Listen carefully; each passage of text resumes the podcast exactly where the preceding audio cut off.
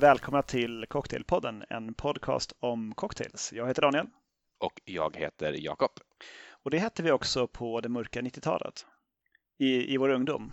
Tidiga 00-talet kommer jag också vilja lägga till där. Då. Men jo, det stämmer. Våra ungdomsår helt enkelt. Det finns ju en del charlataner som eh, när de träder ut i offentligheten tar sig liksom nya eh, namn då, nom de guerres. Eh, men sånt larv håller inte vi på med. Vi, vi kör ju istället på att eh, inte visa våra ansikten någonstans.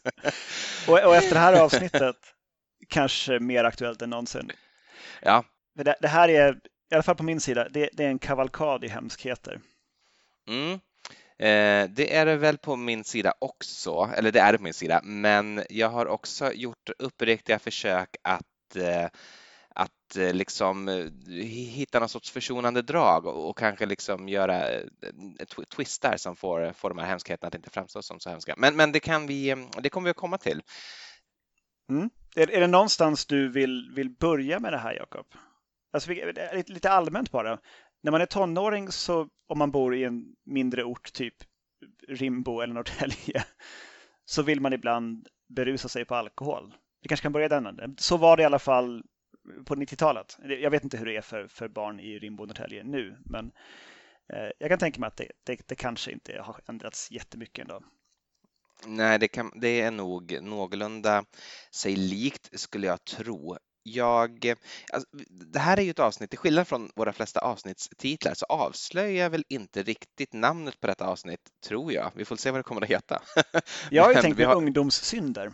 Mm, det är väl det som vi haft som arbetsnamn, så det, det kanske inte riktigt framgår vad det är vi har tänkt. Och jag vet inte om vi har tänkt samma sak heller riktigt. Ska vi, ska vi börja prata om det?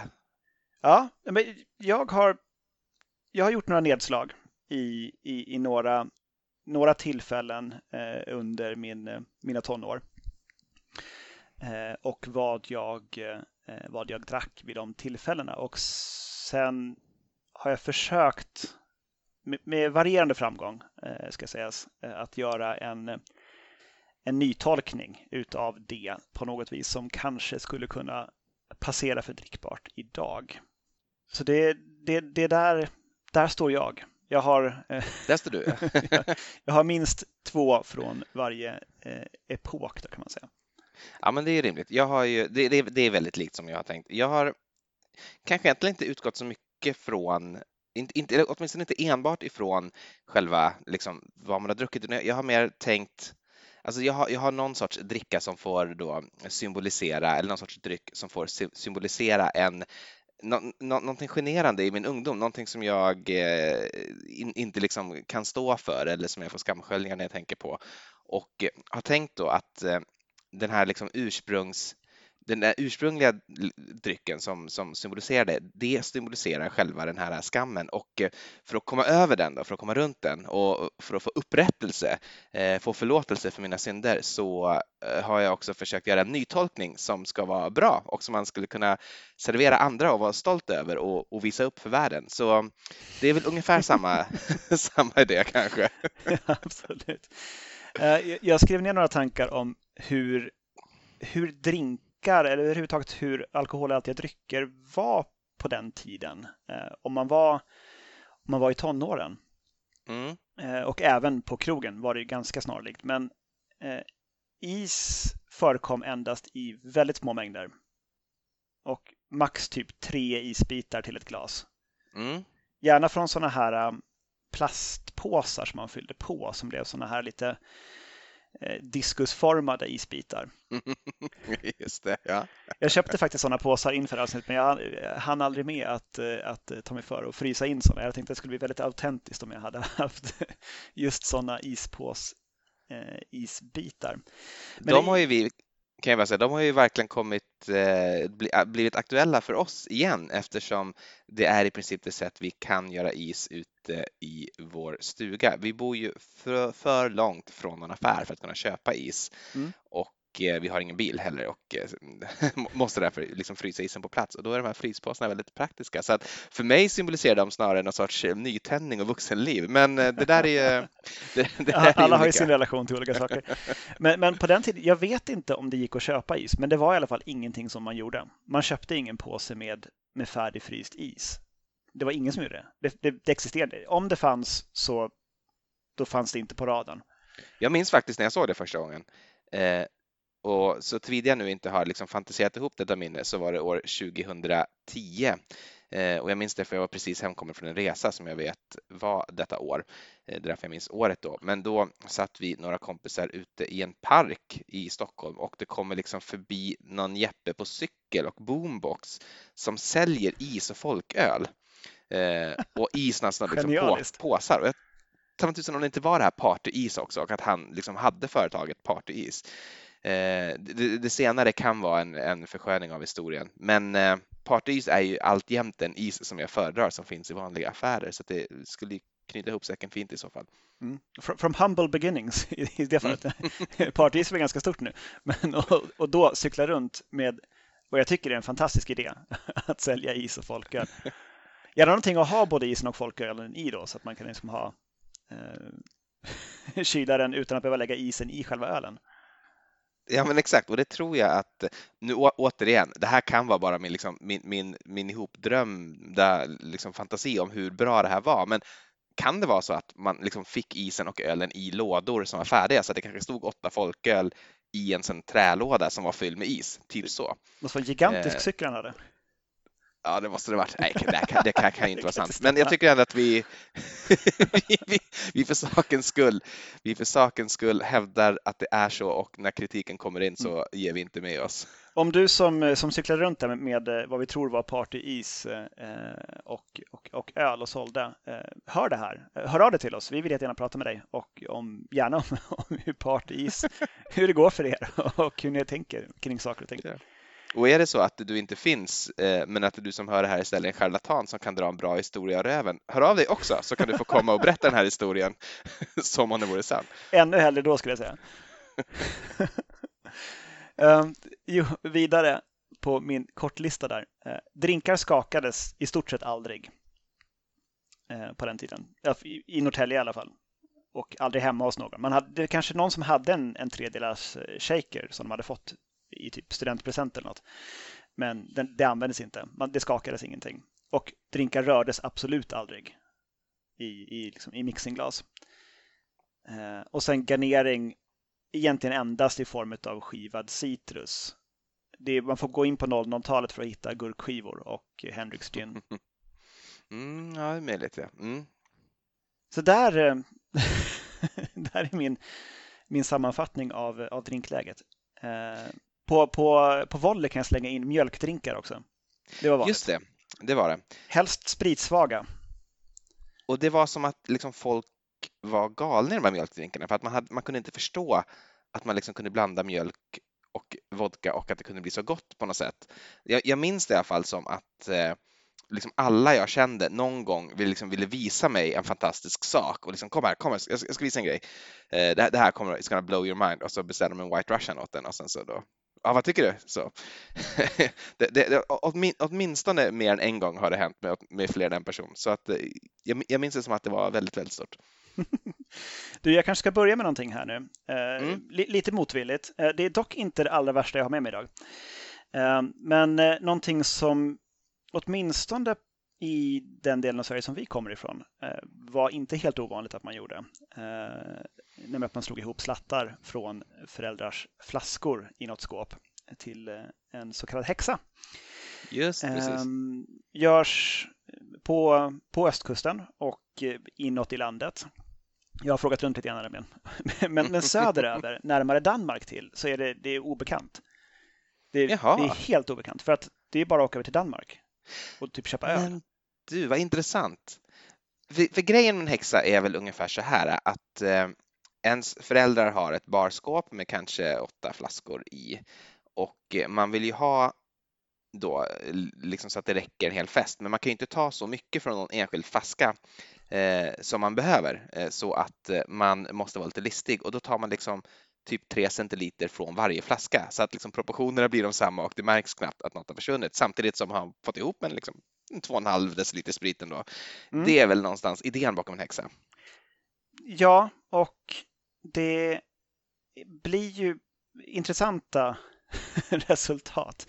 Eh, bananlikör är något som många minns eh, ska ha förekommit i deras, eh, deras häxor. Eh, jag minns framför allt förekomsten utav fjolårets gärna oxiderade halvuppdruckna blossade starkvinsglögg. Mm. Och jag hittade faktiskt en sån flaska halvtom eh, i garaget. Men jösses, vad snyggt! Så att, eh, det, det, blir, det blir mäkta autentiskt det här. Um, jag, jag, jag, vet inte om jag vill riktigt, men jag kan, jag kan ta det här. Är, det här är en häxa. Uh, jag tror någonstans kring 1996 kanske, eh, någonting sånt. Eh, det här är taget ur minnet på vad som fanns eh, i, eh, i, i skafferiet som tjänade då som barskåp-ish. Ehm, ett halvt ounce har jag här utav konjak och då ska det vara minst VSOP, gärna en betydligt äldre och dyrare konjak. Och då ska man också hälla på vatten i flaskan sen. Det behöver man inte göra för det här testets skull. Och det har jag heller inte gjort. Um, det ska vara ett halvt ounce blended whisky, helst av eh, sämre sort. Eh, ett halvt ounce eh, vanlig dry gin. Ett halvt ounce bananlikör. Och här måste det vara Bolls. Ingenting annat mm. är okej. Okay. Det måste vara Bolls. Det är också vad jag har här. Eh, ett halvt ounce Absolut citron som också tidsmässigt, den här flaskan det är den som jag nämnt tidigare i podden som vi fick ur Eh, Emelies eh, mormors eh, dödsbo. den är ju från rätt tidsålder också. Um, och sen så någonting som många också minns med, med fasa och som jag också ser framför mig här med fasa Eh, man dönade gärna i någonting som ofta fanns faktiskt i skåpen på den tiden, nämligen någon form av creamlikör. Eh, Baileys eller mot slutet av 90-talet möjligtvis Dooleys. Jag har Baileys här i Dooleys, ja. Dooleys var väl någon slags Dumle-kolasmakande eh, grej aldrig druckit det, men jag har sett det liksom på båtar, tänker jag. Att det finns liksom vid kassan i alla de här Ålandsbåtarna. så att man bara direkt ska kunna sträcka ut handen och ta en Doolis när man, när man står och börjar lägga upp saker på bandet. Så, som godis i kassan, ja. Mm. Eh, och sen har jag då slutligen två hela ounce med eh, starkvinsglögg från förra året. Eh, jag, jag, kan inte riktigt påstå att jag märker att den har oxiderat. Jag vet inte om, om glögg kan göra det med, med de här kryddorna och så mycket socker i. Men ja, det var en fin touch tycker jag i alla fall. Men som du kan se här i webbkameran, eh, givetvis så har Baileysen skiktat sig, eh, flyter runt som små maneter i den här eh, syltburken, för det ska vara en syltburk som man kan skruva på ett lock på. Och naturligtvis ingen is har varit i närheten av det här. Eh, däremot så är den kylskåpsval för att simulera att jag står på en parkeringsplats utanför det lokala diskot på Sportcentrum i Norrtälje. I, i, I lobbyn på ishallen var det ett diskotek. Ja, ja. Så då, har jag, då har jag gömt den här burken ute under någon bil eller någonting och sen så eh, smugit ut eh, för att ta lite luft och eh, ska inmundiga den här häxan med, med någon kamrat. Du, du, har, gömt, du har gömt den förstås, ja, liksom under en buske ja. eller så? Mm, precis, så får man gå ut och ah. hämta den. Då har den hunnit blivit sval. Mm. För på något vis var det alltid november. Ja, jag tänkte åren. faktiskt, jag tänkte på det nu bara, att alltid, jag tänker här att det, liksom, det står fyra ungdomar typ på torg kanske och, och skickar den här runt varandra och de har inga mössor, mm. men det är kallt som fan. Ja, och lekplatser ofta. Mm. Och typ trasiga jeans. Mm. Ja, jo. Det, det är ögonblicksbilder. eh, men eh, då kör vi det. Eh, smaka på den här. Ja, doftar glögg och banan. Smakar nästan bara glögg och det är så jag minns dem också. Um, inte så stark. Det märkligt kryddad glögg med lite sån här märklig mun, munkonsistens i och med att det, när man tar en sipp så flyger det förbi i som bitar av Baileys. Mm. Som liksom så här, touchar tungan och gommen. Som en sån här bubble tea. Ja, lite cementblandare eh, nästan, är det inte det då? Fast det har inte skurit sig kanske? Nej, det har, jo, det har skurit sig. Det, det är små, det är små liksom krams av Baileys i den här. Och det är ju, det här är väldigt autentiskt. Det, det, är precis så här en häxa var eh, i Norrtälje eh, när jag gjorde den. Det, det, värmer ju, det gör det ju. så, som, så som glögg kan göra. Eh, jag har gjort en, en uppdaterad version också. Eh, som, eh, som eh, ska ge lite upprättelse men fortfarande någorlunda hålla, hålla form. Jag har skippat Baileysen. Eh, den, den är nästan omöjlig att, att få med i en drink som, som någon vill dricka. Alltså när, när det skiktar sig sådär. Så här har vi Hexa Anna 2019 och då har jag ett halvt ounce konjak, ett halvt ounce gin, ett halvt ounce irländsk whisky, ett halvt ounce samma Absolut citron som i den förra och eh, ett ounce eh, Carpano Antica eh, söt vermouth som får stå inför glöggen. sen en barsked med sirap från en burk med maraschino-körsbär av märket Luxardo. Det här är rört med is och silat till en mycket liten syltburk och garnerat med apelsinzest.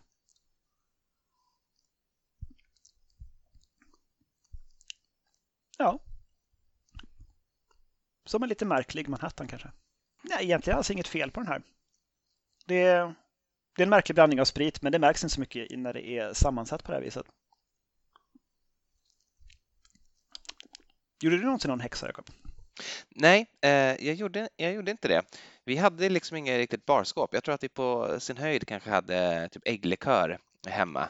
Den är svår. Och, ja, och, och eh, under många, många år, säkert tio år så hade vi en flaska hostmedicin som var köpt i Tyskland med 75 procents alkoholhalt. Men det för, eh, liksom, för, kom aldrig på tanken att, att ta det med någonstans, eh, utan det var någonting som vi när vi var då sjuka fick eh, doppa en sockerbit i som man liksom fick då suga och det var ju förknippat väldigt mycket med att vara sjuk och inte alls någonting trevligt. Så, så, så, svaret är nej där. Men jag har ändå funderat lite grann på häxa eh, kring det här avsnittet och jag tror du har nämnt de mesta liksom, som man bör nämna kring alltså, hur gjorde man, var drack som etc. Men någonting som har kommit, som jag har hört talas om då, som, som en grej som eh, liksom folk i, inom citationstecken, branschen gör nu för tiden, som ändå är en sorts häxa, är ju såna här infinity bottles. Eh, har du hört något om Infinity Bottles? Du känner igen begreppet? Ja, fast håller man sig inom en spritsort då? Det kan man göra lite olika. Eh, man, man, kan göra så att man bara, när man har pyttelite kvar i en flaska så, så häller man det liksom i en annan flaska och när man har pyttelite kvar i en annan flaska så häller man det i den också. Så att man liksom över åren får en blend som är en blend av allt man någonsin har druckit och tömt, typ. Eh, eh, ett mer normalt sätt att göra det är ju att göra det med en viss spritsort och jag har simulerat det här med, med mina rom, för rom är ju den spritsort som jag har allra, allra flest varianter av, av uppenbara skäl helt enkelt för att man behöver det. Så det här är väl en 12-13 olika eh, typer av rom i exakt lika proportioner som har blandats ihop till en, liksom, en house blend då kan man väl säga. Eh, och jag ska inte dra vilka, det, vilka de är för det är inte så intressant. Det, det intressanta är att man kan göra det här bara. Och eh, jag har smakat på den och eh, det smakar som en god rom. Eh, och jag, jag kommer att återkomma till den här lite senare också, så jag, jag lägger ner den tills vidare och eh, lämnar det här eh, som en liten cliffhanger, någonting att längta efter som, som jag kommer att återkomma till. Eh, men jag kanske ska gå på Ska jag gå på ett minne eh, som kommer att föranleda mig till, till eh, en, eh, en dryck och därefter en, eh, en ny variant av den? Det tycker jag verkligen du ska göra. Det var ju så här att jag åkte till Hultsfred ett år när jag var ganska ung och jag hade inte med mig någonting att dricka dit. Eh, återigen, liksom, föresvävade inte att jag skulle göra det och även om det hade gjort det så hade jag, visste jag inte hur jag skulle kunna få tag på någonting att dricka. Och det var heller ingenting som jag sörjde speciellt utan jag var där för att titta på band. Eh, hade liksom inte fattat egentligen att det här också var en stor fest med massa partyprissar och att det var inte bara en serie konserter på varandra utan att liksom det fanns någonting mer där. Det fanns liksom ett, campingliv och en enorm tältstad där folk festade dygnet runt. Eh, hur som helst så var det, liksom, det, det, var, det här var verkligen ingen eh, superresa så. Men eh, en kväll när jag gick runt där på liksom campingområdet så hamnade jag i samspråk med ett gäng som satt och spelade gitarr. Och eh, de var väl kanske en fem, sex eh, personer, hälften killar och hälften tjejer. Och jag hade precis börjat försöka lära mig spela gitarr och ville väl imponera lite grann på dem och tänkte att men, får jag vara med eller? Jag, jag, kan också spela ifall ni vill det. Och eh, det, det ville de inte, men eh, jag fick vara med i alla fall. och sitta, sitta med dem. Eh, det, det, var ganska snällt. Eh, och de hade någonting, eh, de hade någonting där som, liksom, som stämningshöjare och det var eh, en sån här. Och eh, det är inte uppenbart för dig vad det är, men det är en petflaska fylld med en svart vätska och den här svarta vätskan, det är turkisk pepparshots. Eh, så de hade alltså en, en, stor, det var en större petflaska än den här visserligen, men en, en petflaska av märket Coca-Cola full med turkisk pepparshots. Och turkisk pepparshots, det gör man ju genom att bara låta turkisk peppar ligga i vodka ett par dagar. Behöver inte krossa eller någonting, utan bara låt dem ligga och lösa upp sig så får man en spritig dryck som smakar turkisk peppar. Och eh, jag tyckte det här var helt fantastiskt. Jag fick ju smaka då. De, de var så snälla så att jag, jag, fick några munnar här och var och tyckte att det här var helt otroligt. För det första tyckte jag det var så himla gott och sen så tyckte jag det var så otroligt tufft av mig själv att, eh, att få vara med det här gänget. Så jag varit väl lite, jag, jag varit lite övermodig. Eh, och det här, det här betalade sig ganska väl eh, till en början för då en, en av de här tjejerna eh, visade ändå ett visst intresse för mig och eh, det slutade med eh, kort senare, det här låter som det var liksom slutet på en lång historia, det var inte alls, väldigt kort senare, med att vi satt och hånglade. Och eh, det här var ju väldigt stort då, för det var också första gången jag fick vara i den här ofattbart lyckosamma situationen. Så att det var, det var verkligen en stor kväll då för mig kort efter, kort efter att jag liksom är på toppen av mitt liv så så ska då min dejt, min flickvän som jag ser det,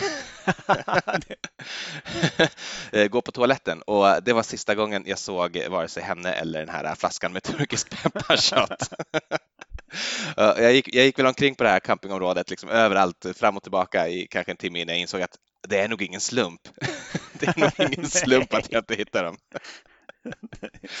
Eh, eh, så det var ju lite generande. Och eh, ja, jag ska, jag ska ta mig då på ett autentiskt sätt direkt ur petflaskan en liten slurk turkisk pepparshot. Nu då.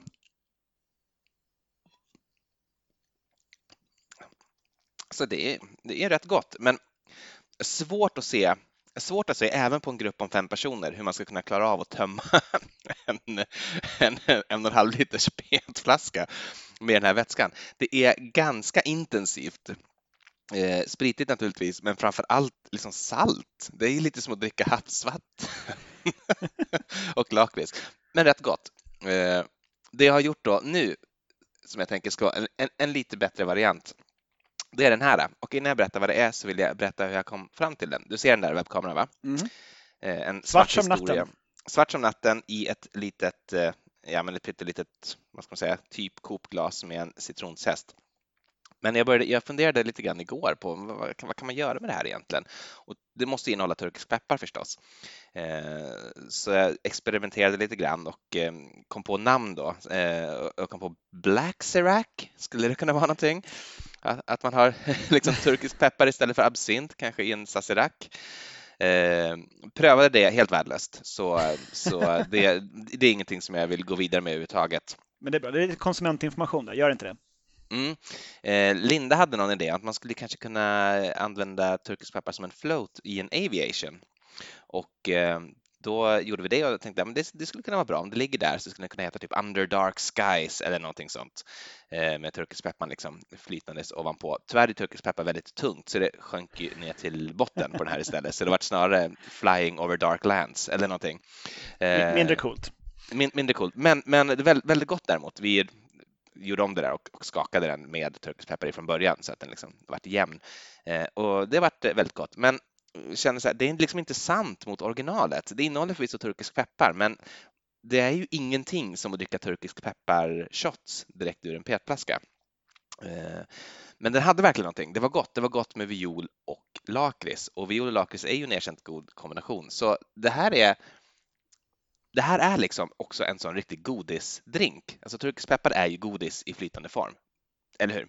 Eh, och det här är Eh, bara viollikör och eh, turkisk pepparshot. Eh, rört på is och sen silat till ett eh, kokglas med en liten citronzest. Och det är proportionerna en och en halv lakrits till två viol. Och eh, tro till ej, det här är både sant mot originalet och alldeles, alldeles delikat. En, en utmärkt drink som jag väldigt gärna i en sofistikerad miljö eh, skulle kunna bjuda på. Och jag har inte längre några förhoppningar då om att det ska sluta i några amorösa äventyr, för den tiden den har jag lagt, lagt bakom mig då. Men, men, men kanske en klapp på axeln och, och, ett, eh, och ett uppmuntrande ord för ja, riktigt läckert. Härligt. Jag vill ta rygg på det där ganska direkt. Jag, dels så har jag någonting på Hultsfred, men det tänker jag kan spara lite grann. Jag har någonting på turkisk peppar, för jag har nämligen inte alls samma, samma kärvänliga förhållande till turkisk peppar. Eh, jag hade en väldigt dålig upplevelse just med eh, inte turkisk peppar shot på det vis som du beskriver, där man liksom blandar eh, så, utan turkisk peppar essens på flaska. Mm -hmm. Vilket var någonting man, eh, man både då och nu kan köpa i, i typ butiker som liknar ÖB eller något sånt där. Det finns som en liten sån eh, pytteflaska och sen så blandar man det med sprit. Och det eh, skedde då på Kulturnatta i Uppsala 1996. Eh, a, a, day that will live in infamy. För mig i alla fall. Då, eh, mm. då var det Finlandia 60-procentig vodka. Oj, finns det? Det fanns då. Jag har inte lyckats få tag i det nu, så jag har, jag har improviserat. Um, och sen så turkisk pepparessens då serverat eh, utomhus på en parkeringsplats förstås eh, i en, en eh, snabbmatskedjas pappersmugg. Och det har jag här. Oj, um, kolla! Så jag har improviserat eh, 60-procentig vodka genom att ta vanlig eh, Koskenkorva vodka. Åtminstone finsk i alla fall. Och sen eh, hällt i en, eh, en god skvätt utav eh, den här eh, likörtillverkningsspriten som jag köpte i Holland som är 96-procentig. Så att som hotat upp eh, spritnivån i den här vodkan till vad som säkerligen kan vara typ 60. Jag, jag hoppas det, inte mer i alla fall. Och sen eh, dönat i en rejäl slatt med turkisk peppar-essens. Men det är en stor mugg du har där, är inte det? Ja, jo men det, det, den är du kan inte se riktigt, jag kan inte luta den för då ser du inte. Men det, det, muggen som jag gjorde i den gången var betydligt större. Okay. Det var en sån en halvliters mugg. Det här är bara en 33 centiliters som är kanske till en tredjedel fylld. Och det här, bara att lukta på det här. Jag, kan, jag har ju lyckats lära mig äta turkisk peppar igen sen den där kvällen. För den slutade förstås med, eh, med att eh, jag fick återbesök av den här turkisk peppar drycken eh, senare under kvällen och, och jag grät. Jag, jag, jag, grät floder för att det gjorde så ont och det var så hemskt och det var så svart det som kom upp. Um, ja, det kan jag tänka mig. Gud vad symboliskt rätt på något sätt. Ja, verkligen. Ja, det, var, det var hemskt på alla sätt och vis. Jag tror att det typ duggregnade också. Det kan jag i och för sig ha lagt till i efterhand. Men det här, bara, bara att lukta i den här muggen nu är det är fruktansvärt. Jag, jag, mår, jag mår fysiskt illa och ja, men here goes.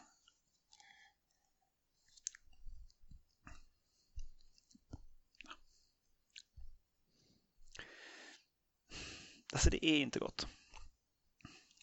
Turkisk peppar är gott som godis, men mm. när det är blandat med en sprit som har en väldigt sån skarp kant som en riktigt högoktanig eh, sprit har. Så den här kommer jag nog inte dricka upp tror jag. Eh, jag, jag är nog klar med den där. Du kommer inte sänka din petflaska där heller va? Eh, nej, det, det kommer jag inte göra. Right. Vi är vuxna nu, vi, vi, behöver liksom inte, vi behöver inte äta upp för att få efterrätt så att det, det går bra ändå. Så jag gjorde en, en, en, en, variant och lite grann som du tänkte med viol och, och lakrits så har jag tänkt att citron och lakrits. Jag tänker typ på lakritspuck och så. Där mm. är det citronglass till ett lakritsskal. Så jag har gjort eh, något av en, en, en vodka sour kryddad med eh, turkisk peppar, socker, sirap då, som jag har gjort. Eh, inte turkisk pepparessens utan jag gjorde eh, två till ett turkisk peppar och socker och smälte det på spisen. Mm, mm. Um, så då har vi här två ounce vodka, ett tredjedels ounce eh, vanlig 2 till 1 råsockersirap och sen ett fjärdedels ounce 2 till 1 turkisk peppar sockersirap. Eller ja, turkisk peppar sirap. och sen tre fjärdedels ounce citronjuice skakat med is och silat till ett kylt glas garnerat med citronklyfta och eh, halva glaset täckt i pulvret från inuti eh, turkisk peppargodisarna. Ja, såklart. Vilket smakar lite grann som hockeypulver faktiskt, om det är någon som minns det. Mm. Här har vi någonting. För det här är en god, åt det syrligare hållet eh, vodka sour. Med en hint av, eh, av lakrits. Mm.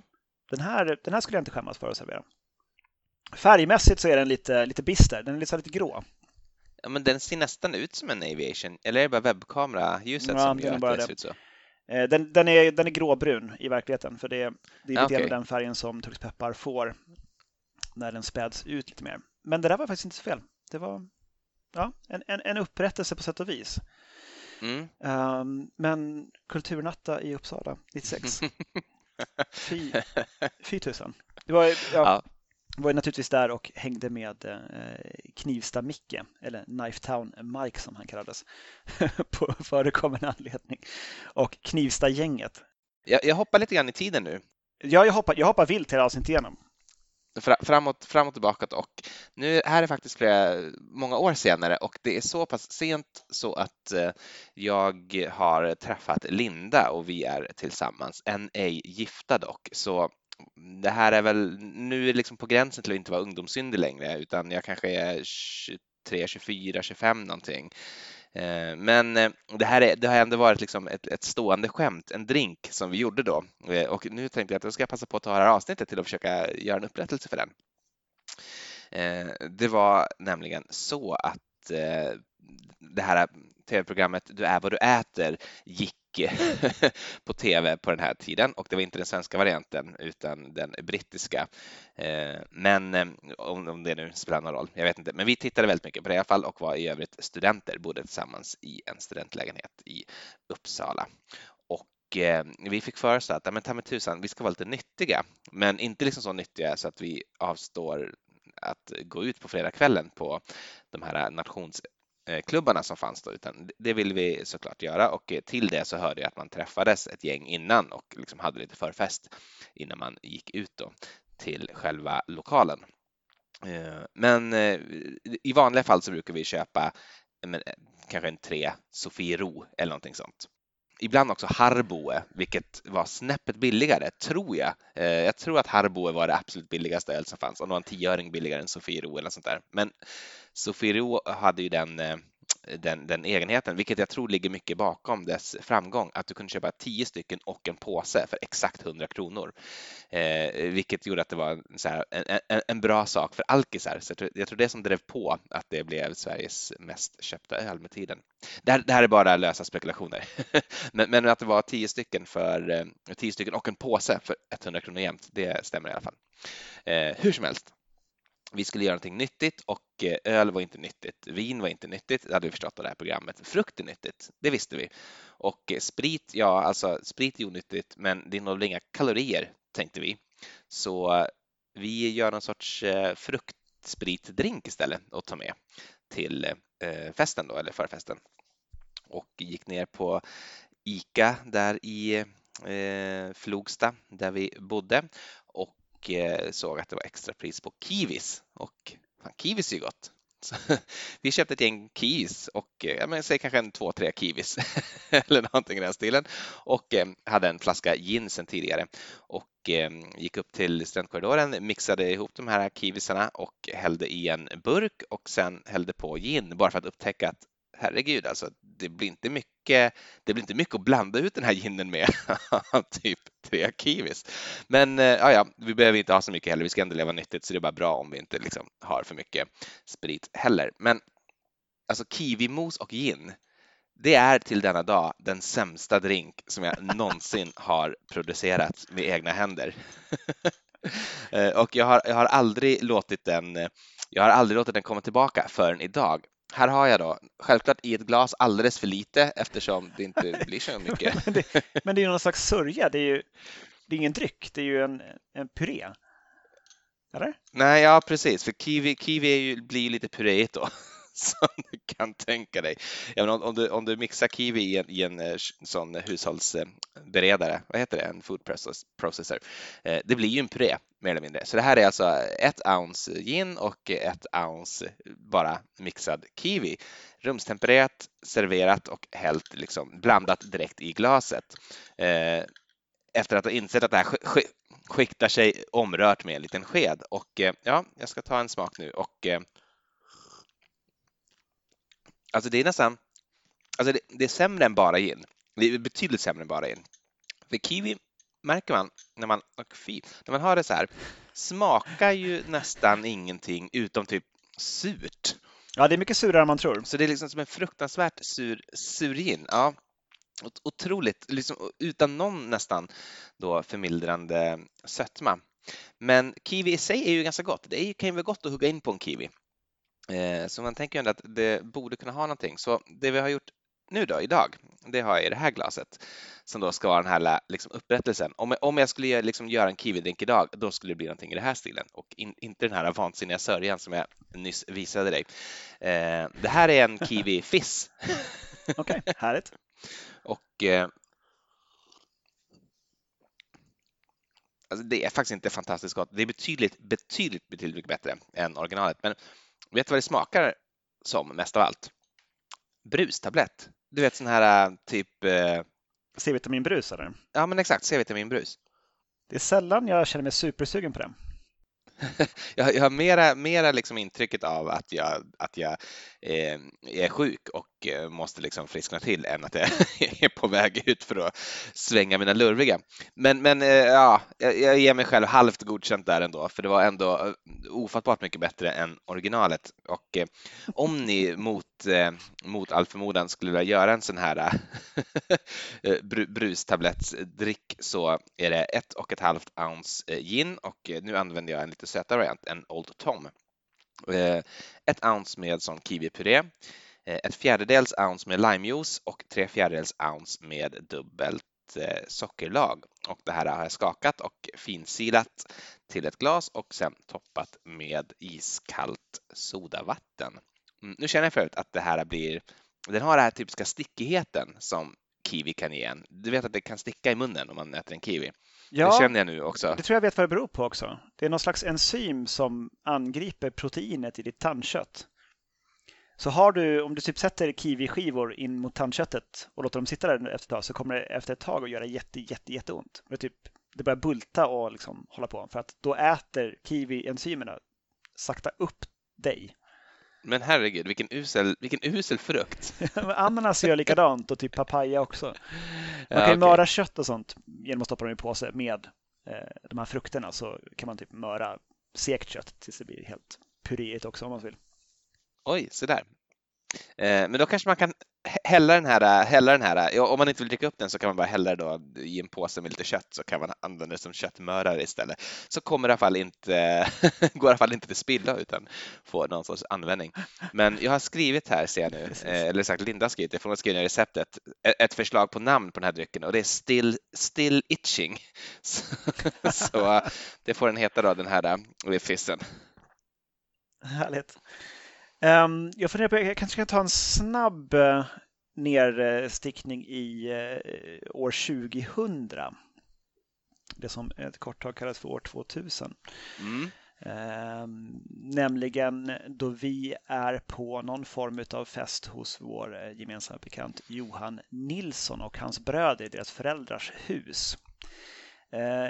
Johan var ju väldigt förtjust i, i eh, boken och filmen eh, American Psycho. Och så även jag på den tiden. Jag tyckte det var väldigt eh, coolt på något vis. En cool film framförallt. Men då, i den så är det en scen där den här mördar knäppjöken Patrick Bateman sitter och dricker vodka och tranbär och noterar att det ser ut som urvattnat blod som det flyter en liten skiva citron i. Så det här tyckte vi att vi skulle göra någon form av, av drink på eh, och det gjorde vi, eh, nämligen två ounce och då måste det vara Stolichnaya vodka, inte någon annan kan det inte vara. Eh, tyckte vi då också. Så att det var Stollichnaja vi använde. Mm. Och sen eh, två ounce det också, ett ounce tranbärsjuice och sen eh, Schweppes Russian. Och det här ska då i ett glas med absolut inte mer än tre isbitar för att eh, det är ransonering på is. Det är ont om is i de här små facken man har i frysen. Um, mina isbitar har smält nu på den här tiden sedan vi började spela in. Uh, men här är i alla fall uh, Bateman anno år 2000. Den smakar som jag minns den. Det är lite spritigare än vad det borde vara. Um, och tranbärsjuicen torr, är lite torr liksom, så att den drar ut lite grann. Um, drar ihop munnen lite. Mm. Alltså det är en, en typisk groggdrink från den tiden. 2019 års version utav uh, Bateman uh, två ounce vodka förstås, måste ju vara true to uh, the original. Sen så ett ounce koncentrerad tranbärsdryck, typ Jock, alltså outspädd. Eh, ett halvt ounce eh, hallonsirap, 1 till 1. Eh, det här ska röras med is och silas till ett isfyllt glas. Toppas med en skvätt sodavatten och garneras med citronzest.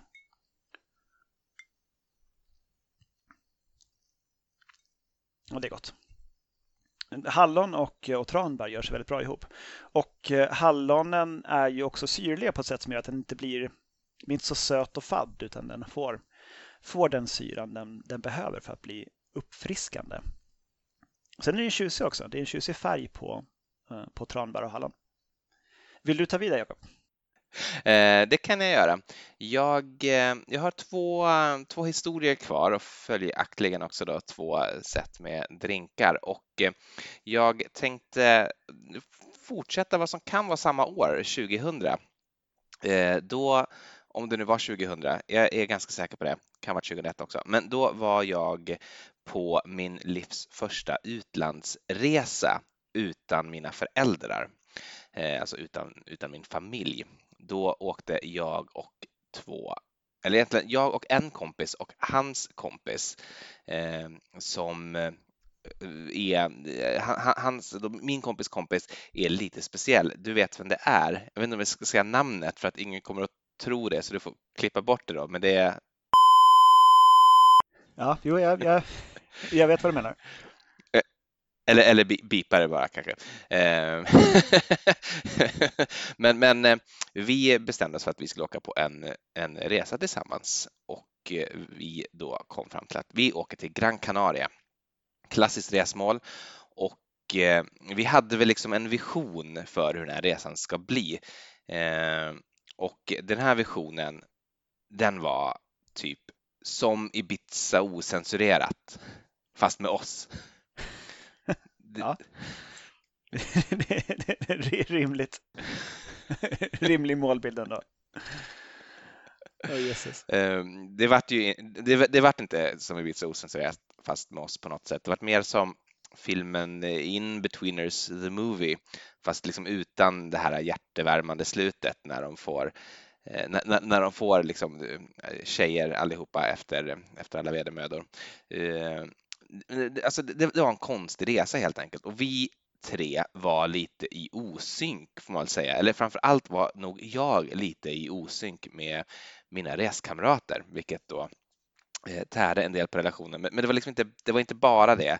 Eh, ta till exempel följande märkliga eh, sak som hände gång efter gång efter gång.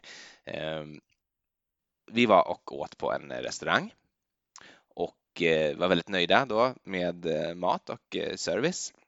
Och vi var förvisso inte rika, men vid den här tiden så var det fortfarande pesetas Eh, allt var super, super billigt. Så vi ville känna oss lite rika och två av oss då eh, ville dricksa då, eh, någorlunda generöst, eh, utefter vad vi själva tyckte då var någorlunda generöst. Jag minns inga summor eller procentsatser, men det var säkert inte mycket, men det var ändå någonting. Så vi, vi, vi, ville dricksa. Eh, en av oss eh, ville inte göra det. Eh, jag, jag var en av de som ville dricksa då kan jag säga, då, vilket är väsentligt för den här historien. Och då gick det alltid till så här. Äh, vi lämnar väl ingen dricks va? Jo, men vi vill dricksa. Jaha, okej, okay, jag tänker inte lämna en dricks i alla fall. Ja, men okej, okay, det är okej. Okay. och så betalade vi två och la våra dricks och sen räknade bara då varje gång den här tredje personen hur mycket är lagt fram till vad summan är och då liksom tog dricksen själv, förstår du? Han, han, han la liksom bara mellanskillnaden, inte vad, vad som var hans tredjedel. Så, så alltså, stället alltså, utan... fick ingen dricks? Stället fick ingen dricks och han betalade då mindre och vägrade vägrade liksom. Han var stenhård på att han skulle liksom aldrig tillåta någon dricks eh, och vägrade också ge tillbaka pengarna till oss. Utan tog dem själv. Det är så otroligt och, och liksom, konstigt. Som en gång, om, om det händer en gång så är det liksom en knäpp grej, men om, om det händer liksom vid varje måltid blir det till slut lite så här att man nästan inte vill gå ut och äta tillsammans för att det blir alltid sån konstig stämning i slutet när, när en person skär våra pengar. Eh, helt otroligt. Och det, det, här var bara en liksom, av alla märkliga återkommande eh, liksom händelser under den här resan som, som gjorde att ja, men jag kände att jag var liksom lite, lite i osynk med de här personerna. Det liksom kulminerade väl lite grann efter att vi hade varit ute och ätit och sen skulle vi då hade bestämt att vi skulle gå på något disco. Det finns ju massa, massa sådana liksom diskon som heter typ saker som Viking eller liksom Svennediskot AB eller någonting. För det är väldigt mycket svenska där så det var, det var, det var lätt att känna sig som hemma. Eh, men jag eh, de börjar väl prata om, nu, nu hittar jag på, men säg att de kanske så här, pratar om att de vill eventuellt gå till någon strippklubb eller sådär. Eh, och jag vill absolut inte göra det. Eh, och de tjatar på att de ska göra det och jag blir arg och säger ja, men ni, ni kan göra vad ni vill, jag drar hem. Och de säger nej, men det, vi behöver inte göra det. Nej, men det är lugnt och jag känner bara att jag vill också vara själv så att det är helt okej okay för mig. Jag, jag, kan verkligen. Jag kan gå hem till hotellet. Ni kan göra vad ni vill. Eh, så jag kommer hem och jag tar liksom en tidig kväll och går och lägger mig och eh, klockan typ fyra kanske på morgonen så väcks jag av att eh, de här två resekompisarna liksom kommer in i rummet och de är så jäkla excited för att nu i helvete har det hänt grejer må jag tro. Eh, de liksom sliter upp mig i sängen. Du, Gud, du skulle varit med. Du skulle varit med. Det var alltså jag dansade jättenära en tjej och eh, vi hade världens kontakt. Det hände ju inget mer förstås då, men det var ändå liksom Eh, det var väldigt stort och de var liksom de var ju alltså så high on life. De hade gått till den här strippklubben för övrigt, men insett att det var någon sorts gaybar och blivit eh, arga som man då märkligt nog tyckte sig ha rätt att bli på den här tiden fortfarande. De hade gått till fel ställe. ja, så, så de, gick, de gick aldrig dit då. Men, men hur som helst så hade de då varit där och de hade också filmat allting och de ville, liksom, ville visa mig då filmen för de hade, en av dem hade haft med sig en filmkamera liksom, och dokumenterat allting. Och jag var inte alls sugen på att liksom gå upp då, jag var ju sömndrucken, jag hade legat och sovit flera timmar och varit liksom nyväckt, så jag var inte så sugen på att se den här filmen då, så att jag bad dem att jag kan kolla där imorgon, ni får gå och lägga er. Nu, gå och lägga er nu. Men de kunde absolut inte gå och lägga sig, de var alldeles, alldeles, alldeles för liksom stissiga och för eh, high on life för att eh, överhuvudtaget kunna tänka på att somna. Och eh, de var ganska högljudda. Så att folk började ju liksom vakna också i våra granne condos eller vad man ska säga. Alltså det var i våra grannrum i det här eh, hotellet där vi bodde. Och eh, de hade glömt att stänga dörren så att jag går upp och så, så liksom stänger dörren och när jag tittar ut där så ser jag att liksom till våran granne till höger eh, har liksom gläntat på dörren och det tittar ett litet barn oroligt ut, eh, uppenbarligen rädd för liksom, det här bullret och stöket som har pågått mitt i natten. Eh, så jag stänger dörren och så säger jag att nu får ni fan vara tysta för att eh, ni väcker våra grannar och eh, de är rädda och tycker att det är obehagligt att ni är så högljudda. Och eh, går och lägger mig igen men hör liksom hur de tisslar och tasslar. Typ att så här, ah, Jakob sa att det, var, det lät som det var fest. Det var, det var någon fest där borta. det är säkert massa snygga tjejer som, som, som har fest. Vi borde verkligen gå dit. Ska vi inte gå dit? Kvar den här festen. Eh, och de bestämmer sig för att jag har sagt att eh, våra grannar har fest och de är väldigt sugna på att eh, ni ska gå dit och ragga upp dem. Så de, de ber sig ut igen och vill ju också förstås föreviga det här magiska ögonblicket i deras liv. Det här liksom ögonblicket när de äntligen invigs i liksom coola gänget som får med att festa med liksom alla snygga tjejer till sent, sent på natten. Eh, de är dock så pass berusade och eh, så pass stissiga att de kan inte skilja på höger och vänster så att eh, de tar inte dörren till höger då där det här skrämda barnfamiljen var utan de går till andra dörren istället som där, där, där de som bor där ännu inte har vaknat utan där, där de fortfarande sover och börjar bulta på dörren allt medan då eh, en av dem filmar allting. Så, jag, så jag, har, jag har sett det här i efterhand på film och vet att det gick till på detta sätt. Eh, och bultar och bultar och bultar och till slut så liksom kommer det någon gammal gubbe och öppnar dörren och liksom säger uh, uh, our, our uh, friend said uh, you have a party. och, eh, och, och inser någonstans där mitt i att nej men det är ingen fest. Vi får gå vi går och lägger oss sen och så går de och lägger sig. Eh. Finns, finns det någon drink i det här, Jakob? ja, eh, förlåt. Eh, jag funderar lite grann på vad, vad var det egentligen vi drack där då? Oftast var det ju så att man gick ut och åt och då drack man en öl till maten. Men vi hade också på rummet, kom jag på, liksom lite olika juicer och hade väl typ köpt en flaska vodka och kanske en flaska rom eller något sånt där på flygplatsen eh, som vi hade och liksom skulle ha och, och förfesta på. Och eh, jag minns att vi kände inte till så många drinkar, så en av de sakerna vi kände till det var Bloody Marys. Så vi hade köpt vet det, eh, tomatjuice i tron att en Bloody Mary är vodka och tomatjuice. Och eftersom det är en känd drink måste det vara en god drink, så att vi blandade bara vodka och tomatjuice. Helt odrickbart, verkligen fruktansvärt äckligt. Eh, bättre lycka hade vi då med vad som egentligen är då en sorts liksom 90-talets Mai Tai, nämligen bara ljus rom och eh, en fruktjuice. I det här fallet ljus rom och eh, eh, ananasjuice.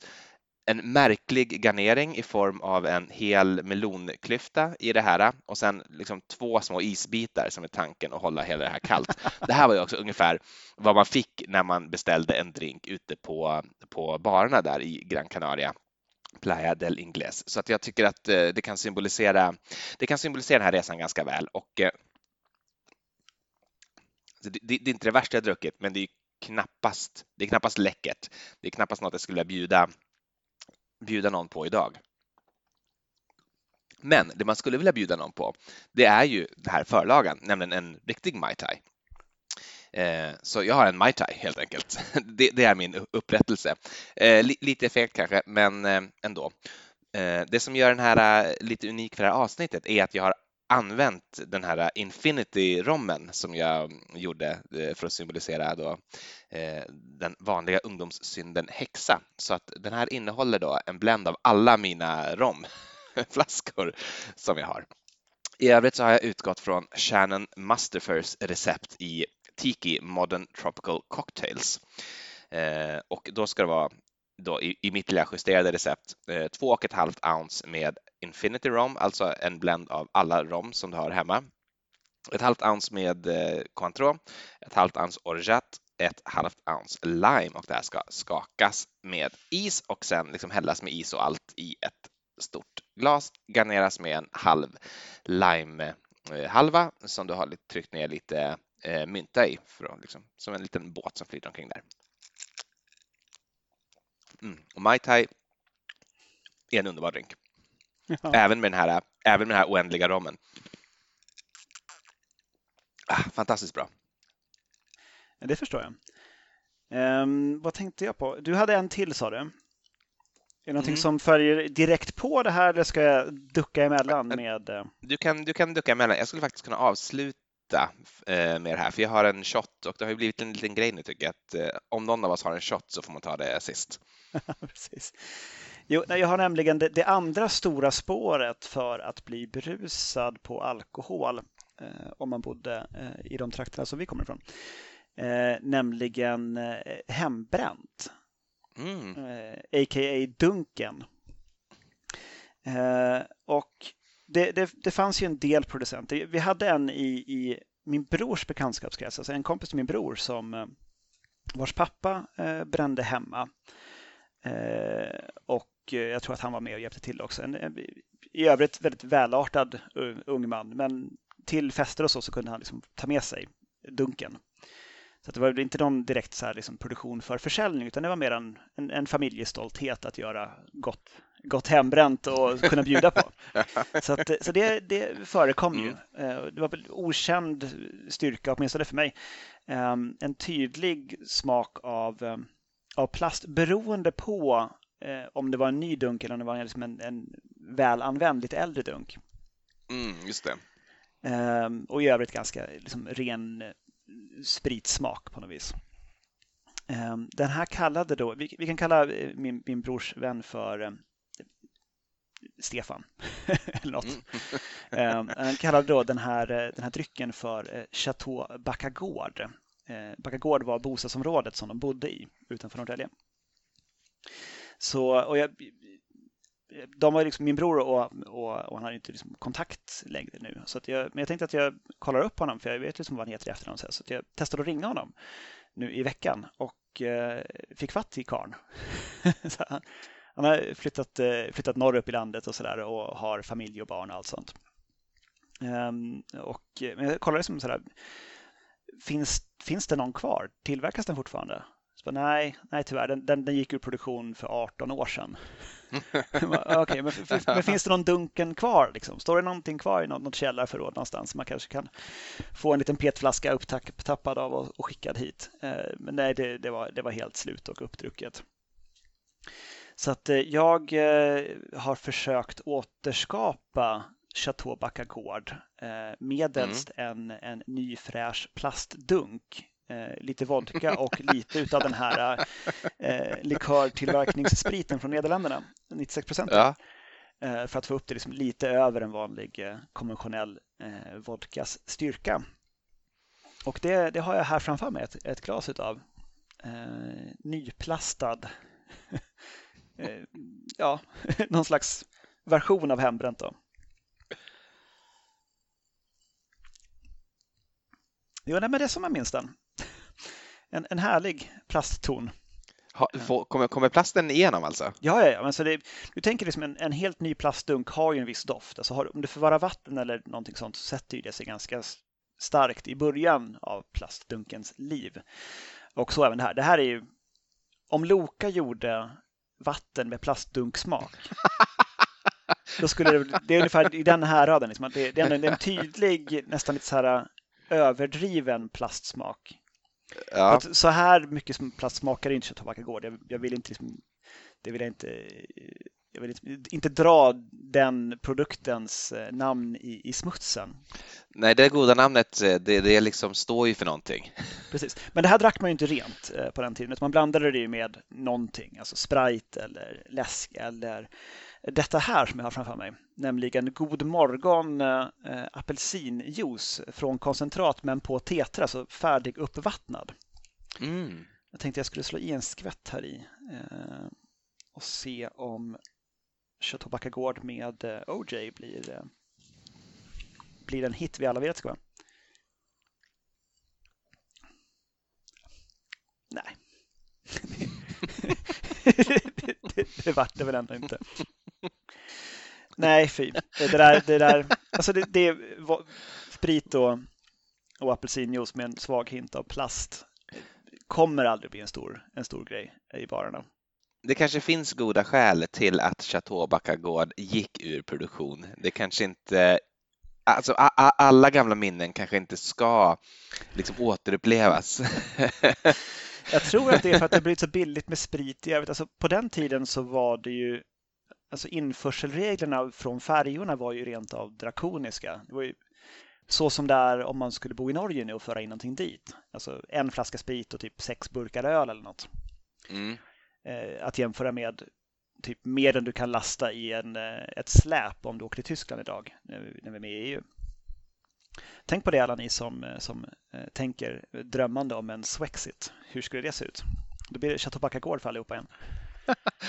Låt det inte ske. Exakt.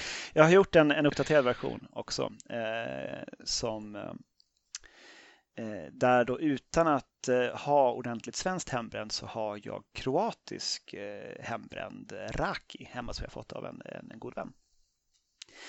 Eh, så då har jag gjort en Chateau Bacagård Martini anno 2019 Och då är det 1,5 ounce eh, vodka, ett halvt ounce kroatisk eh, raki, ett stänk orange bitters. Det här är rört med is och silat till ett kylt glas. Ingen garnering. Enormt spritigt. Det kan jag tänka mig. Um, det, jag har ju van, använt vanlig plain vodka, inte plastkryddad eh, extra stark vodka här, utan det är bara det är en helt vanlig Cosmo Men fortfarande, rakin på något vis förstärker spritigheten i, i vodkan. Och eh, det där är någonting om man, om man är sugen på något som känns superstarkt så kan man ju tänka sig det. Om man liksom vill visa lite häftig så kan man dricka den. Ja, jag tror att du verkligen kommer att eh, imponera på sällskapet genom att göra den där. Alltså. Eh, låt, låt, inte er, eh, låt, låt, inte liksom er inre röst som säger nja, eh, lura er. Det här är, det här är vägen till, till framgång och beundran. Ja, självklart. Ehm, det sista jag har för dagen eh, är också Hultsfred-relaterat, men jag tror att det är året efter som du pratade om, nämligen Hultsfred 98. Eh, känns som det året då Black Sabbath gjorde sin, tror jag, första återföreningsturné och Turbonegro flögs in oannonserade mitt i natten på någon av dagarna. Och eh, man sprang genom tältlägren för att ta sig till den allra största scenen som jag tror hette Hawaii-scenen för att se Turbonegro. Och sen så körde de en konsert för kanske 200 pers vid största scenen. För de var inte annonserade, de var inte ett, eh, ett posternamn för det. De hade fått en lucka eller de typ äh, fan vi åker. Så att, mm. Eh, för övrigt en, en väldigt trevlig eh, konsert. Det var precis efter Apocalypse Dudes-skivan hade kommit ut. Och, och det är väl första fullängden, va? Visst är det? Nej, de har gjort några stycken till där innan. Ass Cobra ja, till exempel. Ja, det är sant. Ass Cobra, ja, precis. Men, ja, hur som helst. Eh, så bara så att folk kan orientera sig kring vilket Hultsfred det är vi rör oss på här.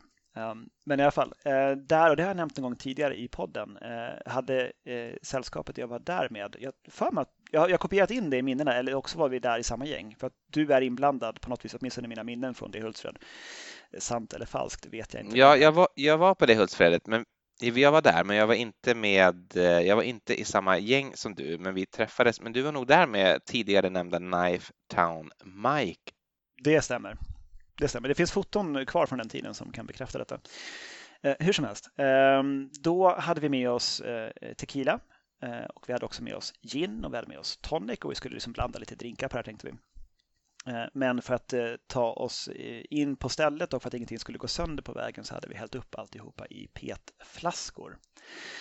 Ehm, och sen eh, låg de här inne i det varma mörkblåa tältet och blev varma och goda. Och sen så var det någon som kom på att ja, men fan, vi, vi, vi bara slår över eh, eh ginen i, i toniken, alltså den här halvfulla tonicflaskan, så dricker vi direkt ur, ur flaskan. Vi behöver hålla på med muggar. Problemet var bara att det inte var tonic i just den flaskan utan det var en tonicflaska med eh, tequila i, alltså den med hatten. Vilket resulterade i en 50-50 blandning mellan tequila och gin som vi sen då groggade med eh, varm tonic. Och för att simulera detta här så har jag eh, gjort en liten eh, vatten, ett litet vattenbad i en, en sån här resetermos med hett vatten och i den så har jag en, en liten shaker-del i metall i vilken det då är eh, lika delar gin och tequila. Eh, och eh, sen så lika delar igen då tonic. Så det är 1,5 ounce tequila, 1,5 ounce gin och 3 ounce tonic. Som är goda varma ska jag säga. Mm. Så det tänker jag hälla över i mitt lilla glögglas här.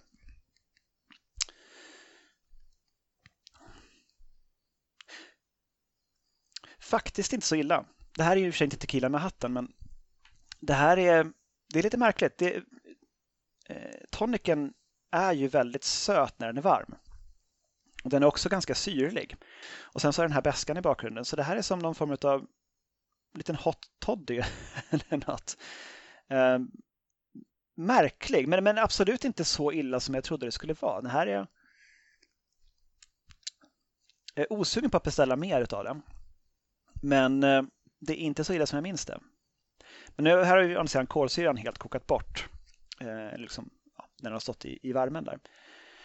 Men eh, Ja, den där håller nästan. som, som sådan. Men jag har gjort en, en uppdaterad version. Eh, lite granna eh, en spin-off på eh, Gardebosk som du nämnde i Midori-avsnittet. Just det. Så har jag gjort en, eh, en skaffa eh, på 3 fjärdedels ounce gin, 3 fjärdedels ounce eh, tequila reposado och 1 ounce Midori. Så byggd då i, is, i glas utan is och sen så Ja, det, det är rätt gott. Det låter alltså, rätt gott. Jag, ja. jag, kan verkligen tänka mig det. Fruktigt och, och gott och en härligt klar grön färg. Jag tyckte också knöt an lite grann till det Hultsfredet för då drack vi någon form av alkoläsk som hette Kaktus tror jag. Eller något sånt. Det var åtminstone grön och påstod sig ha kaktussmak. Mm, kan det ha varit så här Excider? Kommer du ihåg att det fanns någon Ex sorts cider som hette? Excider Cactus kan det mycket väl ha varit. Mm. Usch vad dumt. Um, jag, jag, är inte klar med Hultsfred 98 än. Jag har... vilken, vilken tummelplats för minnen eh, eh, denna tillställning visade sig vara. Mm. Jag, har, jag har nämligen en sak som jag verkligen inte ser fram emot. Men i det här eh, solvarma tältet så vi lyckades få någon att köpa ut på Systembolaget i, eh, i, i Hultsfred öl då, och då tänkte jag att det är lika bra att vi tar så stark öl som, som möjligt. Så att då var det Lappinkulta 7,0 som var i ropet. De här förvarade vi då inne i tältet och de vart varma. Så här har jag, Lappinkulta 7.0 finns inte längre förresten kan jag säga. Så här har jag en eh, tidigare nämnd Sofiero, men deras 7,5-procentiga variant. Oh, med guldet längst ner där. Exakt. Som har legat i ett varmvattenbad och nu har en innertemperatur på 36 grader. oh, kropps. Ja. Kroppstempererat. Precis. Den var lite varmare när vi började spela in. Jag hade hoppats på att jag skulle kunna avnjuta den här på typ 45 grader. Mm. Men det här, det här känns, när man håller den i handen så känns det som att den här, den här har legat i solen. Den här är ganska varm. Men jag kommer ändå att, att dricka den, tänker jag då som 17-åring. Mm. Um, nu är jag några år äldre än så. Och Ja, fy fan. Ja, ja.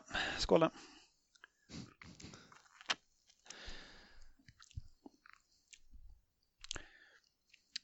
Inte så illa som jag minns det, heller faktiskt. Eh, det känns som typ när man dricker sista klunken öl ur en öl man har med sig in i bastun.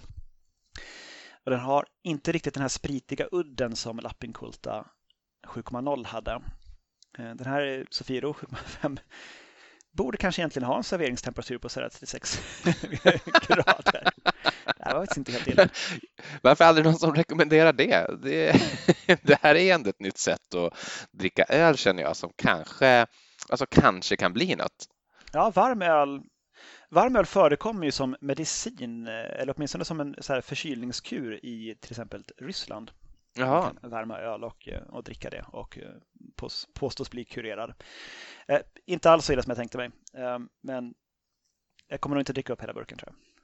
Nej, det, det, det, det finns inga måsten här Daniel. Man, man, man gör som man vill så att eh, var, var lugn för det.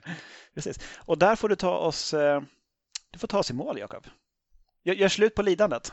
Ja, jag ska försöka.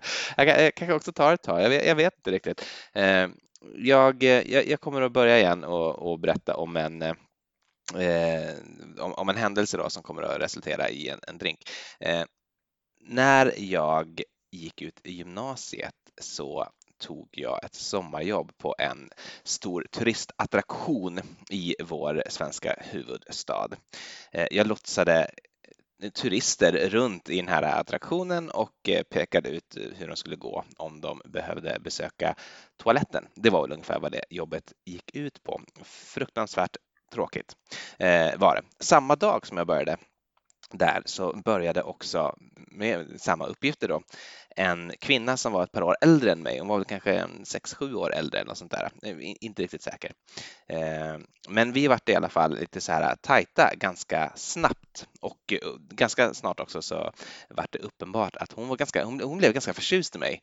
Eh, jag hade då inte riktigt samma känslor för henne. Däremot så tyckte jag att det var roligt att vara med henne och att framför allt gå ut liksom på after works som det ordnades väldigt, väldigt, väldigt mycket på den här arbetsplatsen under somrarna. Det var liksom var och varannan dag kändes det som, åtminstone var och varannan vecka, så gick liksom hela gänget ut och drack öl. Och eh, av något skäl som jag nu inte längre kan minnas så blev det en grej mellan oss två då att vi skulle dricka tequila shots. Och eh, det gör man ju som allom bekant är genom att eh, hälla lite salt på sin hand, eh, sen bita en citron, dricka shotten och sen äta saltet va? Nej, tvärtom. Eh, salt, salt först, sen sprit, sist citron tror jag. Där har vi det. Eh, bra. Då fick vi det utrett också. Precis. Salt först, sen sprit, sist biter man i den här eh, citronen. Och eh, det här liksom var någonting som ofta hände ganska då eh, en, en, bit in i de här kvällarna oftast. Det var inte så att vi liksom startade med det här utan det var så här, ska vi beställa en tequila? Och så tyckte jag att det var lite busigt så eh, gjorde vi det. Och eh, vi jobbade bägge två eh, flera somrar i rad på den här eh, turistattraktionen. Då.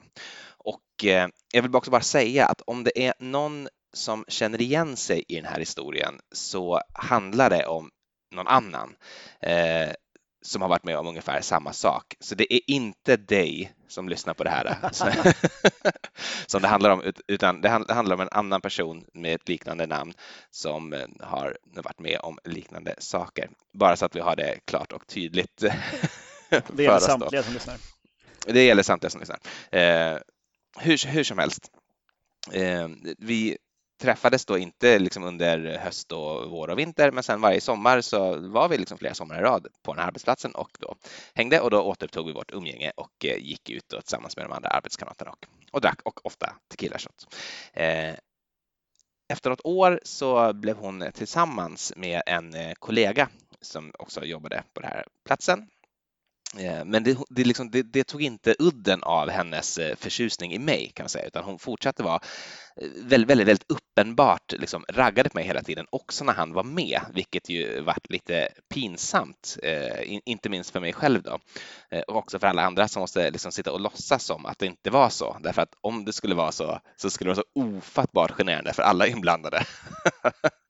att man helt enkelt var tvungen att låtsas att det här, det här är inte, det, det är inte att ragga på någon att eh, eh inte vet jag, stryka en över armen och, och, och viska ska vi gå hem till mig i någons öra. ja, du, du, förstår vad jag menar. Utan det, det är någonting som vänner gör, eh, som man kan göra när man sitter där med sin pojkvän. Eh, och de, de gifte sig faktiskt vad det lider till och med eh, de här två. Men, men som sagt, det här, det här tog inte alls udden av hennes eh, då förtjusning i mig. Och det tog inte heller udden av vår grej att dricka tequila ihop. Och i något svagt ögonblick så lovade jag att eh, jag skulle komma på tequilafest hemma hos henne och den här andra karln då som eh, hon nu hade flyttat ihop med. Och eh, jag, jag lovade det här liksom några öl in i en kväll och dagen efter så tänkte jag att vi båda är väl överens om att det naturligtvis aldrig kommer att ske. Men där bedrog jag mig. Hon insisterade och tjatade och tjatade och tjatade och till slut så gick jag med på det. Och vi skulle hem till henne och dricka margaritas. Och det skulle vara liksom lite fest då, en margaritafest och jag måste absolut vara med på den. Och eh, jag åker dit på sagt datum, sagt tidpunkt och inser när jag kommer dit att det är bara vi. Det är liksom ingen fest. Det är vi tre som är där. Ni var åtminstone tre? Vi var åtminstone tre, så det var jag och hon och eh, då hennes eh, eh, kar. Och eh, direkt när jag kommer in så visar det sig att det, liksom, det är bara två glas. Det, det är bara till oss. Eh, han får inte dricka någonting. Han måste vara nykter. Han måste vara nykter för att kunna liksom, på ett bra sätt servera oss drinkar. Så hon har då förbjudit honom att själv dricka något, utan han ska bara stå hela dagen och göra drinkar till oss då, göra margaritas. Och hon eh, börjar liksom kritisera massa saker som han har gjort. Typ så här äh, så fort löpte kvällen. Kommer in och Margarita. Ja, tack, du kan gå ut i köket igen nu. Ah, ser du den här hyllan där, bokhyllan där? Ja, visst är den ful? Ja, det är som har gjort den. och, och, sådär. och det var liksom, eh, det varit ofattbart konstigt, ofattbart obekvämt då. Eh, inte minst eftersom vi var i deras gemensamma hem. Det är en sak när hon sitter och förelämpar sin kille när liksom andra är med, men det var himla, himla, himla konstigt. Eh, så jag, eh, jag, jag, drar hem då ändå rätt tidigt, säger att jag, jag måste gå och eh, hon blir vansinnig och börjar skrika efter mig och eh, eh skäller och skriker. men jag, eh, jag drar därifrån i alla fall och kommer därifrån. Ehm, så det jag har då, jag har faktiskt inte, jag har faktiskt inte den redemption-drinken, men du kan säkert ana vad det är.